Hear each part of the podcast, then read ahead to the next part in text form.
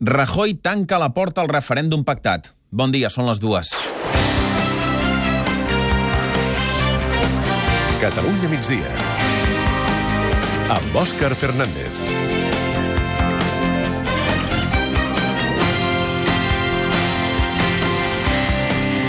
El president del govern espanyol, Mariano Rajoy, ha contestat la carta que li va enviar ahir Carles Puigdemont, on demanava negociar la manera de fer un referèndum acordat.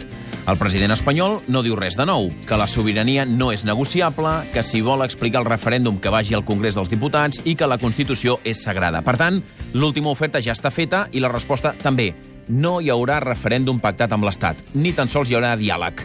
El president de la Generalitat va garantir que abans de vacances sabríem la data i la pregunta i que l'únic que podia evitar el referèndum a la tardor era Rajoy asseient-se a negociar. Això ja és evident que no passarà. L'escenari, doncs, ja és només o referèndum unilateral o res. En aquest context és encara més fàcil d'emmarcar l'escalada verbal del Partit Popular els darrers dies, des que Rajoy va compareixer abans de la conferència de Puigdemont, Junqueras i Romeva a Madrid. Avui la més explícita ha estat la ministra de Defensa, María Dolores de Cospedal. Pues eh, mire, eh, yo le puedo decir que esa situación no se va a volver a producir y que haremos lo que tengamos que hacer. Y se lo digo con toda claridad.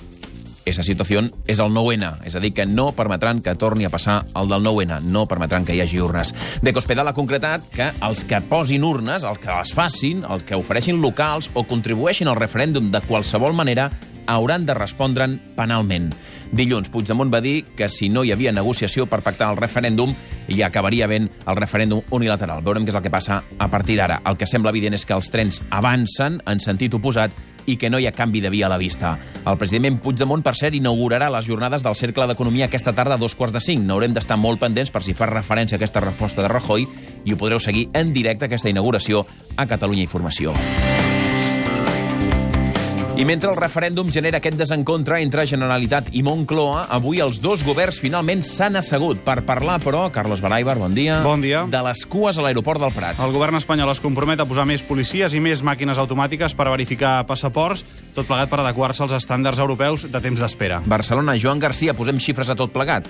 Sí, doncs mira, seran 144 agents més. D'aquests 44 ja s'han incorporat i els altres 100 estan formant-se. 50 aparells lectors nous, dels quals 10 ja s'han instal·lat aquesta mateixa nit, ja són operatius, i 30 noves màquines per fer l'autoverificació un mateix. Amb tot això, l'objectiu és fer 20 minuts de cua com a molt a la sortida i 40 a l'arribada. I lluny de casa nostra, l'atemptat de Manchester genera un conflicte entre el Regne Unit i els Estats Units. Els britànics estan indignats perquè informació d'intel·ligència que han enviat a Washington s'ha filtrat a la premsa nord-americana. Avui, Theresa May, la primera ministra britànica, té la intenció d'expressar aquesta indignació al mateix president americà, Donald Trump, amb qui es trobarà a Brussel·les. Enviat especial a Manchester, Jordi Baró. Bon dia. La policia creu que ha fet detencions significatives per la investigació de l'atemptat, però està molesta per les filtracions a la premsa nord-americana de dades confidencials compartides amb els Estats Units. L'intercanvi d'informació s'ha aturat i May li deixarà clar avui a Trump que aquestes comunicacions han de ser secretes.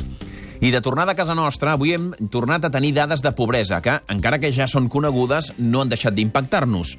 Un 19,2%, pràcticament un 20% de la població catalana està en risc de pobresa, segons dades de l'Institut d'Estadística de Catalunya de l'any 2016. La dada és semblant a la de l'any passat, però puja el nivell de pobresa entre les persones de la tercera edat. Oriol Illa, que és president de la taula del tercer sector, avisa que la recuperació econòmica no s'està traduint en més igualtat, més aviat al contrari. No només hi ha una crítica cap a la, la desigual distribució de la renda, sinó que hi ha una crítica cap a unes polítiques socials que no, que no acaben sent tot l'efectives que voldríem que fossin en un context de creixement econòmic. Atenció a aquesta notícia que també us expliquem. La gossera del Consell Comarcal del Maresme llença un crit d'alerta perquè cada dia recullen més gossos de races perilloses i ningú després no els vol adoptar. Els responsables avisen que la gossera s'està col·lapsant. Argentona, Miquel Jarque. Hola, bon dia, Òscar. Doncs sí, mira, només en 4 mesos han recollit 18 gossos de races com els Dobermans, Pitbulls o els Rottweilers, que queden condemnats a no sortir al centre per la fama, la mala fama que tenen i perquè la normativa de tinença és molt estricta, tant que fins i tot els treballadors de la gossera han de tenir el permís per treure'ls a passejar. Marco Moretti és etòleg. Estamos al, al borde del colapse. Es, no hay manera que se pueda garantizar a tantos perros un bienestar adecuado. Tenemos tres, cuatro perros grandes en la misma jaula. I tornarem a parlar de la Margarita, aquella vaca de Tortosa que ahir us explicàvem que està en risc de ser sacrificada perquè no té els papers en regla. Avui l'han traslladat a Marçà, al Priorat, i els seus defensors confien que podran evitar que l'acabin sacrificant. Marçà, Manel Sastre, bon dia. Hola, bon dia. S'hi asseguren que el trasllat des de Tortosa s'ha fet per garantir la seva supervivència i que era impossible complir els requeriments del Departament d'Agricultura perquè es tracta d'un animal fora del circuit d'explotacions ramaderes. La presidenta de l'organització que ara el gestiona creu que amb els recursos que es presenten avui mateix, els requeriments que fa el departament, s'aturarà el compte enrere pel sacrifici que s'havia de fer demà. I de la cultura, ara que ja comença a fer calor d'estiu, toca parlar del Grec, el Festival d'Estiu de Barcelona. Aquest any estrena director, Francesc Casadesús, i girarà al voltant de la Mediterrània. A la presentació del Grec hi ha la Montse Mas. Montse, amb quin espectacle s'inaugurarà el Grec d'aquest any? Hola, doncs obrirà amb dansa. L'1 de juliol al Teatre Grec. Tres peces virtuoses i sofisticades de la Dresden Frankfurt Dance Company. Pel nou director del Grec, és una de les millors companyies del món.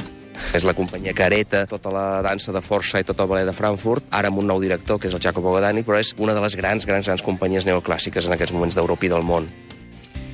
De l'actualitat del territori ja hem passat per les comarques de Tarragona, que és el més destacat del dia a Barcelona, Quim Balaguer. Doncs que l'Ajuntament de la capital assegura que l'increment del valor cadastral dels habitatges no tindrà repercussió en l'IBI, que continuarà congelat. Segons el consistori barceloní, la mitjana de l'increment cadastral a la ciutat serà del 19%. Anem ara a Girona, Fèlix Martín. Segons ha pogut saber a Catalunya Ràdio, no hi ha hagut entesa en una reunió sobre la futura ubicació del nou trueta que han fet aquest matí una representació dels metges de l'hospital amb l'alcaldessa de Girona.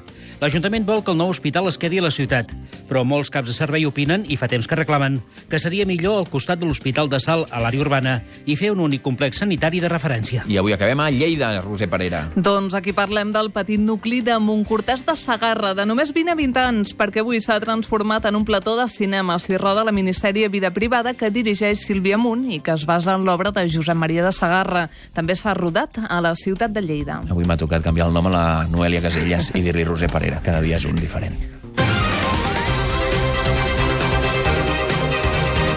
Després de les notícies pròximes, arriba el moment de l'actualitat esportiva. Robert Prat, bon dia. Bon dia. Amb novetats en el cas de Sandro Rossell. Sí, tenim una última hora. La Fiscalia demana presó sense fiança per l'expresident del Barça, Sandro Rossell, i el seu soci Joan Basolí. També, d'altra banda, l'audiència confirma la sentència de primera instància. En aquest cas, desestima la petició del Barça i les impugnacions de la Porta, Sala, Juste, Macià i Fort. El Barça de bàsquet juga avui a les 8 contra el València, segon partit de quarts de final de la Lliga. El Barça està obligat a guanyar per no quedar eliminat i el Daneix per no desbo ha anunciat que deixa el Barça d'handbol al final d'aquesta temporada. D'aquests temes en parlem als esports del Catalunya migdia.